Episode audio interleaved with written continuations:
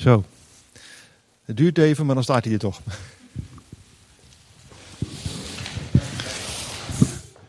Blij dat jullie hier zijn.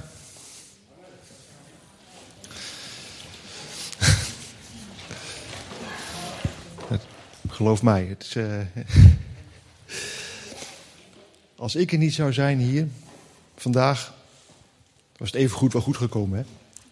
Maar als ik hier alleen sta in een lege zaal, dat is toch wel even anders.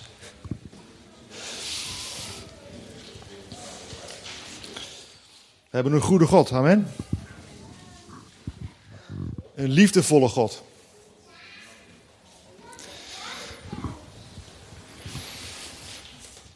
En dan hoor ik kleine stukjes uit de preek alweer terugkomen in de zangdienst.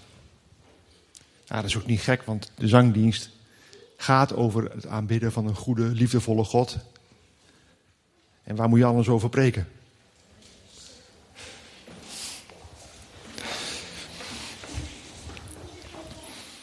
In Lucas 15, vanaf vers 11, er staat een uh, bekend verhaal. Verder vertelde Jezus: Iemand had twee zonen. De jongste van de twee zei tegen zijn vader: Vader, geef mij nu alvast het deel van de erfenis dat later voor mij zal zijn. Toen verdeelde de vader alles wat hij had tussen zijn twee zonen. Een paar dagen later verkocht de jongste zoon zijn deel van de erfenis en ging met het geld naar een ver land. Daar maakte hij zijn geld op door een rijk en lui, sommige vertalingen zeggen losbandig leven. Toen al zijn geld op was, kwam er een zware hongersnood in dat land. En hij begon honger te lijden. Hij ging erop uit en vroeg bij een van de bewoners om werk. Hij mocht de varkens hoeden. Hij had zo'n honger dat hij best van het varkensvoer had willen eten. Maar niemand gaf hem er iets van. Toen ging hij eens goed nadenken. Hij zei bij zichzelf: De knechten van mijn vader hebben meer dan genoeg te eten. Maar ik ga hier dood van de honger. Ik zal naar mijn vader gaan. Ik zal tegen hem zeggen: Vader, ik heb verkeerd gedaan tegen God en tegen u. Ik ben het niet waard om uw zoon te zijn. Mag ik alstublieft als knecht bij u komen werken? En hij ging naar zijn vader terug. Toen hij nog ver weg was, zag zijn vader hem aankomen. Hij had medelijden met hem. Hij liep hem snel tegemoet, omhelste hem en kuste hem. De zoon zei: Vader, ik heb verkeerd gedaan tegen God en tegen u. Ik ben het niet meer waard om uw zoon te zijn. Maar de vader zei tegen zijn dienaren: Breng vlug de beste kleren hier en trek hem die aan. Doe een zegelring aan zijn vinger en trek hem schoenen aan. En haal het vetgemeste kalf en slacht het, want we gaan feest vieren. Want mijn zoon hier was dood en hij is weer levend geworden, want ik was hem kwijt. Maar ik heb hem weer terug. En ze gingen feest vieren. De oudste zoon, die had op het land gewerkt. Toen hij vlak bij huis kwam, hoorde hij dat er muziek werd gemaakt en werd gedanst. Hij riep een van zijn knechten en vroeg hem wat er aan de hand was. De knecht zei: Uw broer is teruggekomen. Uw vader heeft het vetgemeste kalf laten slachten om te vieren dat, dat hij hem gezond en wel terug heeft. Toen werd de oudste zoon boos en wilde niet naar binnen gaan. Zijn vader kwam naar buiten. Hij drong er bij hem op aan dat hij ook binnen zou komen. Maar hij zei tegen zijn vader: Kijk eens, ik werk al jarenlang voor u en ben u nooit ongehoorzaam geweest. Maar u heeft mij nog nooit één geitje gegeven om met mijn vrienden feest te vieren. En nu die zoon van u is thuisgekomen, die uw geld heeft opgemaakt bij de hoeren, heeft u voor hem het vetgemeste kalf laten slachten. Maar de vader zei tegen hem: Jongen, jij bent altijd bij mij. En alles wat van mij is, is van jou. Maar nu moeten we feest vieren en vrolijk zijn, want je broer was dood en hij is weer levend geworden. Want ik was hem kwijt. En ik heb hem weer terug. Eigenlijk een heel bekend verhaal als je al een paar jaar in de kerk komt. Wie hoort het verhaal vandaag voor het eerst? Nou, misschien in deze vertaling. Misschien kan je het in een andere vertaling uh, beter. Maar ook al heb je het vandaag voor het eerst gehoord, dan hoor je het toch maar, hè? Het is een heel bekend verhaal. En Rembrandt heeft daar ook een heel bijzonder schilderij over gemaakt. Met Vaderdag, afgelopen Vaderdag, was ik in Amsterdam met een groepje mensen. En we mochten daar een outreach doen. We mochten daar aan de hand van dat schilderij en het verhaal, wat erbij hoort, mensen vertellen over de liefde van God voor alle mensen.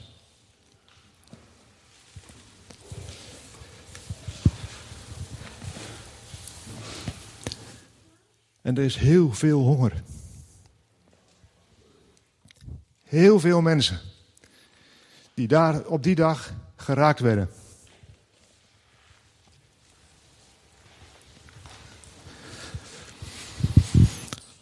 Maar laten we eens kijken naar de personages in het verhaal. Je hebt de oudste zoon. Maar die oudste zoon die gedraagt zich alsof hij helemaal niet een zoon is. Hij gedraagt zich alsof hij de dienstknecht van zijn vader is. Ik heb jarenlang gewerkt voor u. Ik ben altijd gehoorzaam geweest. Of in de, hij staat, ik ben nooit ongehoorzaam geweest. Ik heb nooit iets gekregen. Nooit een geitje gekregen om een feestje te vieren met mijn vrienden. Maar alles was van hem. Dat had hij gewoon. Hij hoeft niet aan zijn vader te vragen om een geitje.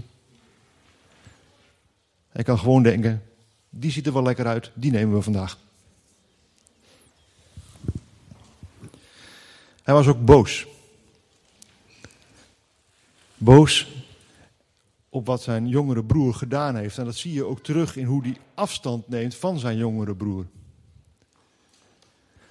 Want als zijn vader hem komt halen, dan zegt hij niet: Ja, mijn broer is terug. Nee, hij zegt: Die zoon van u.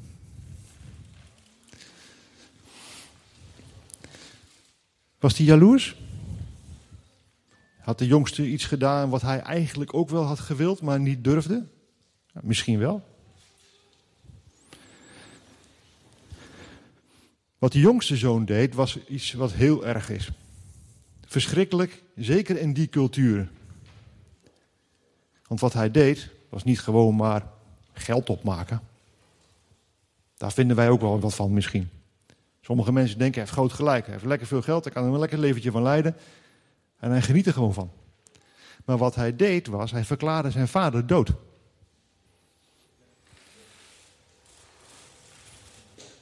Hij verklaarde zijn vader dood. Maar laten we eerlijk zijn. Wanneer krijg je een erfenis? Als degene van wie die erfenis was, dood is.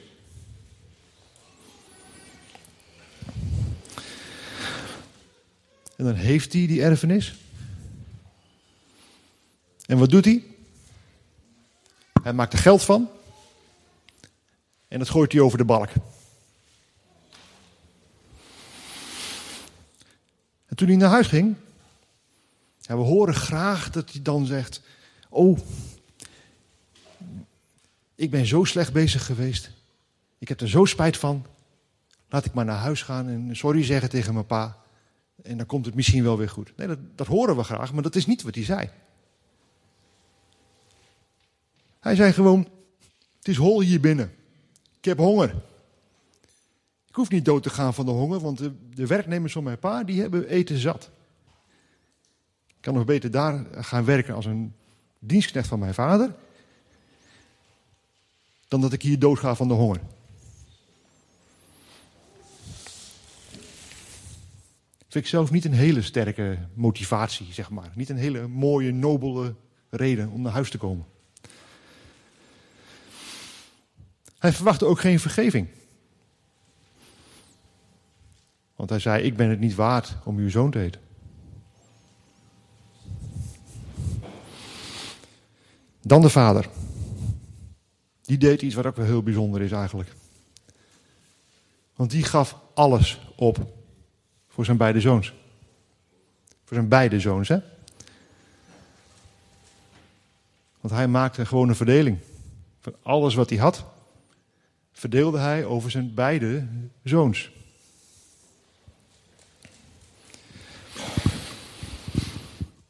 Hij stond ook op de uitkijk. De jongste zoon was weg, maar hij zag hem al van verre aankomen. Pa stond op de uitkijk te wachten tot zijn zoon weer thuis zou komen. En als dat dan gebeurt, als die jongste zoon dan thuis komt, dan staat hij daar niet van, nou, ben benieuwd wat hij nou voor verhaal heeft. Met welke smoes die weer naar binnen wil. Nee, hij doet iets wat in die cultuur zeker ongehoord was. Een oudere man die gaat rennen en zijn zoon om de nek vliegt. Hij omhelst zijn zoon. Zijn zoon, die stinkt naar de varkens. Ik weet niet of jullie wel eens een, uh, een vrachtwagen vol varkens voorbij hebben zien komen. Dat ruikt niet lekker. Chauffeurs van die vrachtwagens zijn over het algemeen bij een eh, truckstop niet heel populair.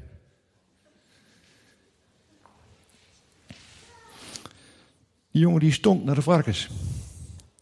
En wat doet zijn pa? Die omhelst hem, die kust hem.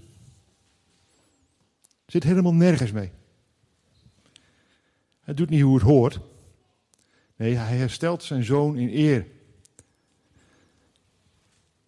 Hij geeft hem nieuwe kleren. Hij geeft hem schoenen. Dat op zich is al een teken van eerherstel. Want de slaven liepen op blote voeten, maar de zoon niet. En hij geeft hem een zegelring, een stukje autoriteit in het huishouden. Krijgt hij gewoon weer terug.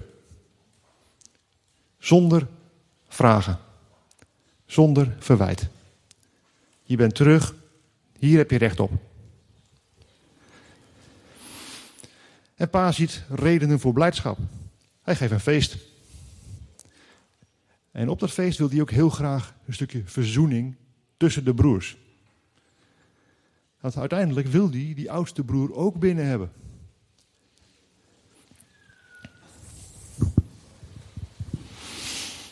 Geen enkel verwijt over wat er in het verleden gebeurd is. Geen opmerkingen als, nou, daar ben je weer. Geen opmerkingen als, zo, kon je terugvinden joh. Niks. Feest. Hij is weer terug. Maar wie is dan wie? Als we gaan kijken naar een stukje, ja, je zou kunnen zeggen, rolverdeling. Hè? Verhalen in de Bijbel staan vaak symbool voor dingen. En ja, als we dan kijken wie wie is, kunnen we dan zeggen dat de Vader symbool staat voor God? Ik denk het wel. Wie is dan de oudste zoon? Zijn dat de fariseeërs misschien? Zijn dat de mensen die niet zijn afgedwaald? En die jongste zoon? Kunnen we zeggen dat dat misschien wel bekeerlingen zijn? Of mensen die hun hart alles aan Jezus gegeven hebben, maar afgedwaald zijn?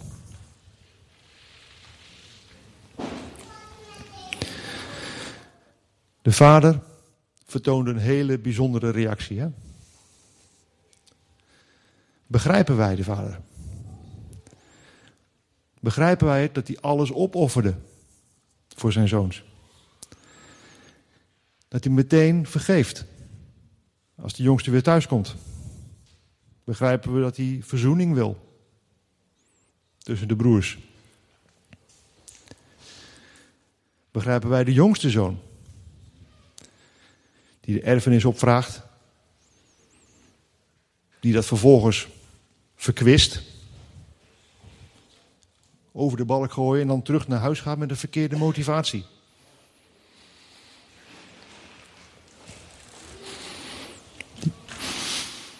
En die oudste, begrijpen we die?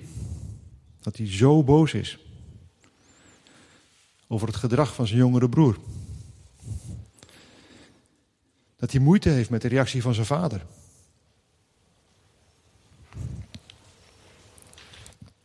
Hoe maak jij het verhaal af? Jezus laat het open. Maar als jij het verhaal mag afmaken, gaat die oudste broer dan met pa mee naar binnen? Nou, vooruit dan maar. Of blijft hij buiten? Nee. Ik ben boos. Ik ga niet mee.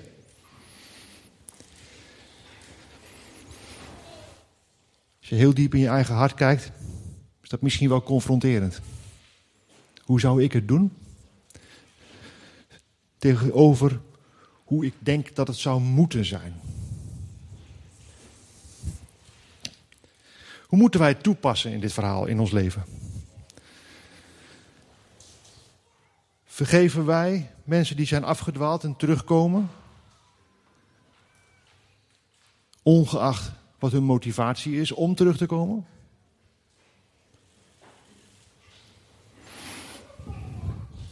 Als wij afgedwaald zijn, durven we dan terug te komen? Kijk, God laat ons nooit los. Gods liefde is onvoorwaardelijk en eeuwig. In Romeinen 8,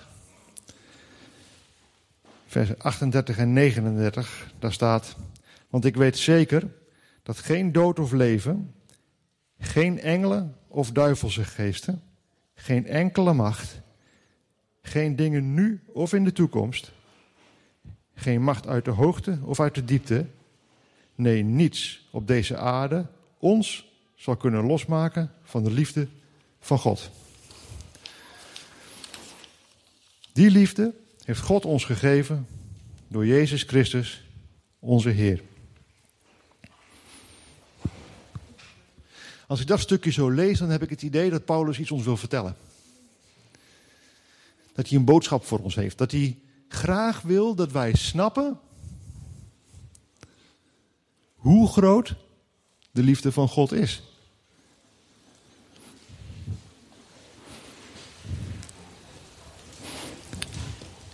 Want als je die tekst bekijkt, lijkt het alsof hij alles wil afdekken. Er is geen mazen in de wet.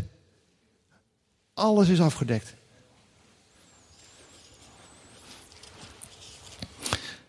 Ik weet niet hoe het met jullie is, maar ik denk dat heel veel mensen, misschien wel iedereen, wel eens hebben nagedacht over hun eigen leven en de, de rol in dit verhaal die jij in vervult. Welke rol in dit verhaal past bij jou? Wie ben jij in dit verhaal?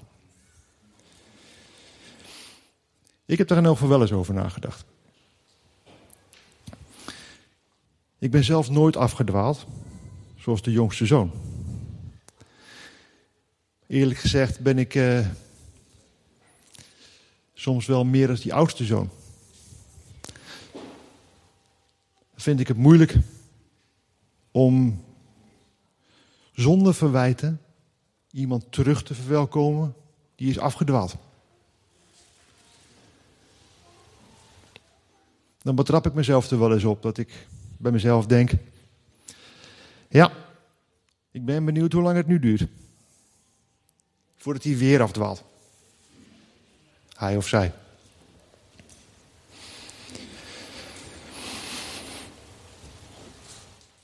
Ik ben eigenlijk wel beter dan die anderen, want ik ben niet afgedwaald. Het is toch gewoon een kwestie van volhouden. Je hoeft toch niet af te dwalen. Daar betrap ik mezelf nog wel eens op.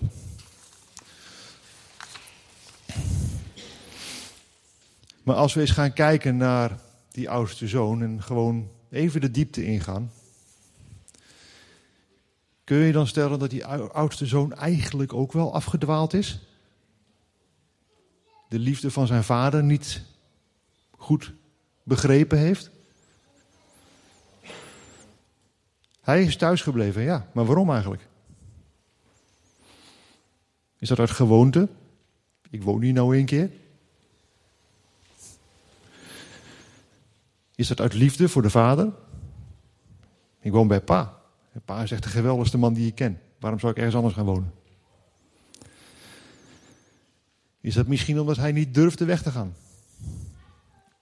Is hij misschien stiekem jaloers op zijn jongste broer, die het wel durfde om weg te gaan? Zelf ben ik opgevoed in een kerkelijk gezin. Mijn ouders gingen naar de kerk en ja, als kind. Ga je mee naar de kerk? Nou, niet dat je keus hebt, zeg maar. Hè? Ik denk dat veel mensen dat herkennen. Het is niet zozeer je, ga je mee, nee, je gaat mee.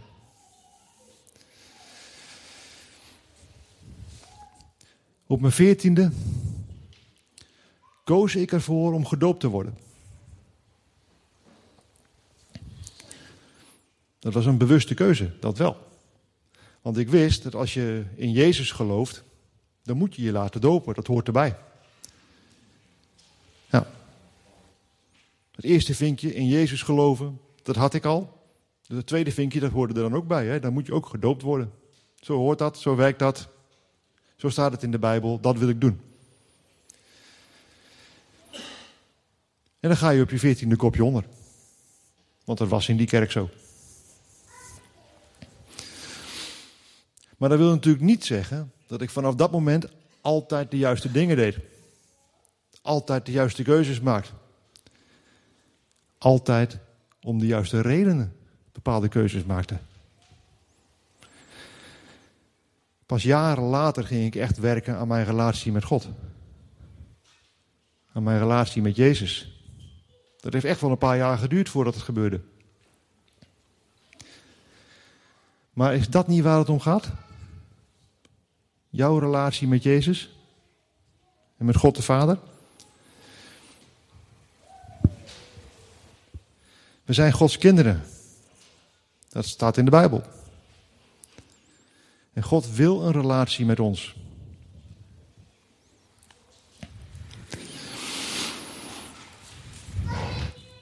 Jezus kwam naar de aarde om voor ons de weg naar de Vader vrij te maken.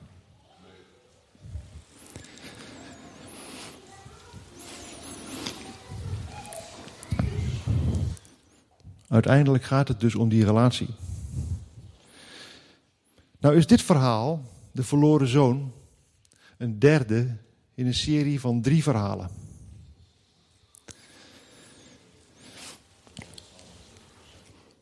En die drie verhalen die gaan eigenlijk allemaal over hoe God kijkt naar mensen die afgedwaald zijn of verloren gaan.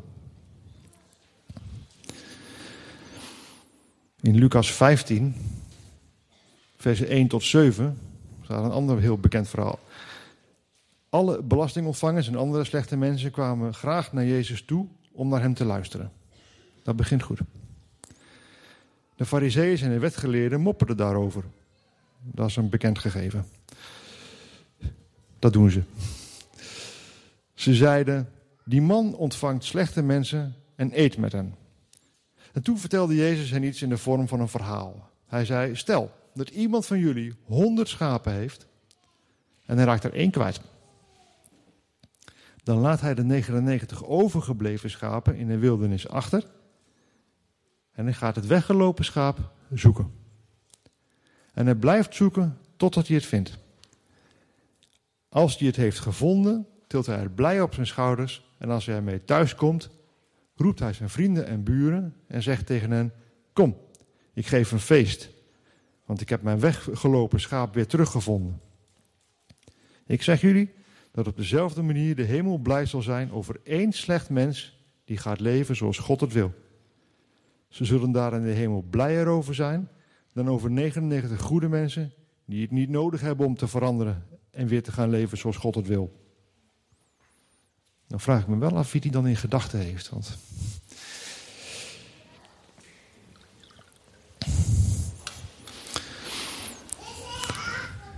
Gelijk erachteraan vertelt Jezus een ander verhaal. En stel dat een vrouw tien zilveren munten heeft en er één kwijtraakt.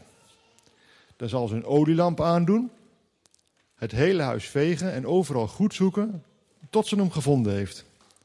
Als ze hem heeft gevonden, roept ze haar vriendinnen en buren en zegt tegen hen: Kom, ik geef een feest, want de munt die ik was kwijtgeraakt, heb ik weer gevonden. Ik zeg jullie dat op dezelfde manier de engelen van God blij zullen zijn over één slecht mens die gaat leven zoals God het wil.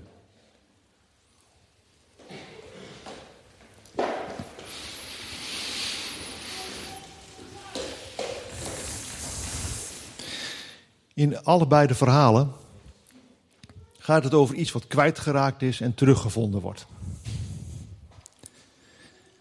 Maar wat ze met elkaar gemeen hebben, is dat het niet gebeurt op het eigen initiatief van dat wat kwijt was. Dat schaap, dat staat niet ergens in de wildernis. Help, help, ik ben hier, vind mij alsjeblieft. Ik ga op zoek naar de herder. De herder gaat zoeken. De herder zoekt het schaap. Die vrouw die die munt kwijtraakt. Die munt ligt niet ergens in een hoekje. Pling, ik lig hier. Pling, pak mij op alsjeblieft. Die vrouw gaat zoeken. Die vrouw die vindt de munt uiteindelijk.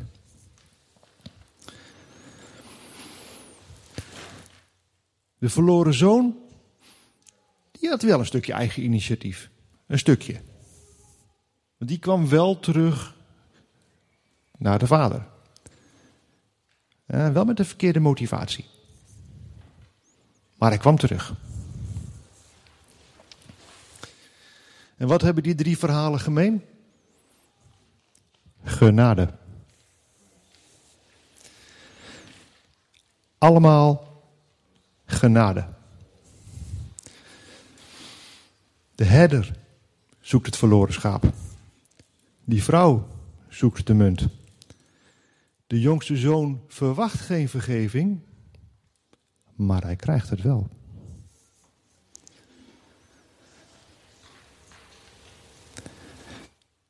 Kunnen we zeggen dat het verloren schaap, ook toen het verloren was, bij de kudde hoorde? Ja. Kunnen we zeggen dat de munt die verloren was, ook toen het verloren was, het eigendom was van die vrouw? Kunnen we zeggen dat die verloren zoon, toen hij aan het feesten was, nog steeds een zoon van de vader was? Iedereen denkt nu bij zichzelf, ja, da, tuurlijk. En dat klopt. Ja, natuurlijk. Natuurlijk was het uh, schaap nog steeds deel van die kudde. Ook al was die kwijt. Natuurlijk was die munt het eigendom van die vrouw. Ook al was ze hem even kwijt. Natuurlijk was die verloren zoon een zoon.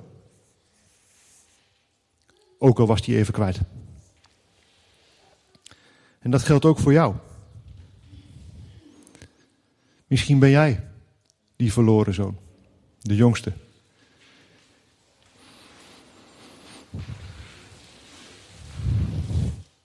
Dan mag je weten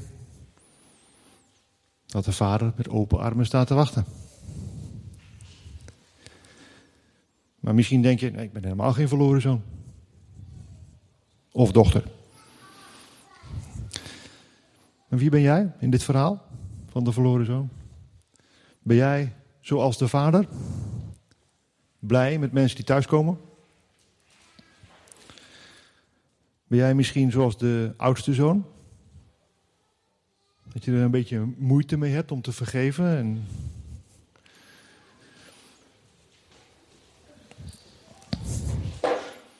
Misschien ben jij de jongste zoon, ben je afgedwaald en misschien ben je nog niet eens op weg terug.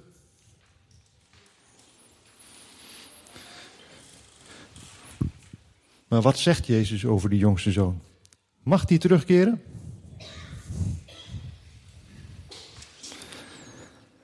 Mag jij, als je alweer bent afgedwaald, weer terugkomen? Ja, maar ik weet het niet hoor. Ik ben al een keer of tien, vijftien, ik ben het al een beetje kwijt, afgedwaald.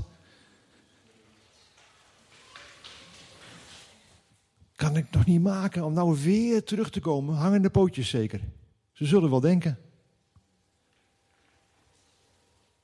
Wat kan jou het schelen wat die oudste broer denkt?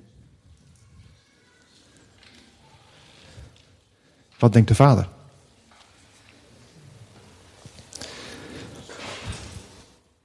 Want ik weet zeker dat geen dood of leven, geen engelen of duivelse geesten, geen enkele macht, geen dingen nu of in de toekomst, geen macht uit de hoogte of uit de diepte, nee, niets op deze aarde zal ons kunnen losmaken van de liefde van God. Die liefde heeft God ons gegeven door Jezus Christus, onze Heer. Misschien zit jij hier nu en herken jij jezelf in een van de rollen. Als jij jezelf heel eerlijk herkent in de rol van de vader, top. Ga zo door. Maar als jij jezelf herkent in de rol van de jongste zoon, ik ben afgedwaald en ik zou eigenlijk terug moeten komen naar huis, weet dan dat de vader op je staat te wachten. Hij staat op de uitkijk, armen wijd open. Als jij niet afgedwaald bent, zoals de jongste zoon, maar je bent meer de oudste zoon, dan mag je bidden dat God je meer laat lijken op zichzelf, op de Vader.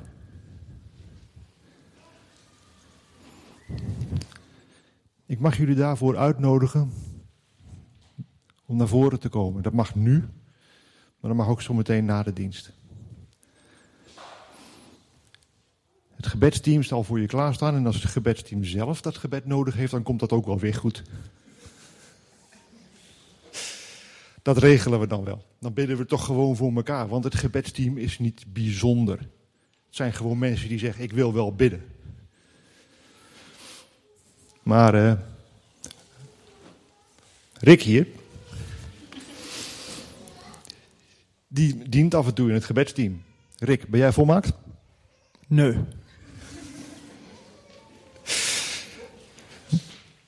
Nathalie. Ook jij dient af en toe in het gebedsteam. Ben jij volmaakt? Uh, nee. Willem. Zit daar bij de kinderen. Ben jij volmaakt? Wie heeft er gehoord wat hij zei?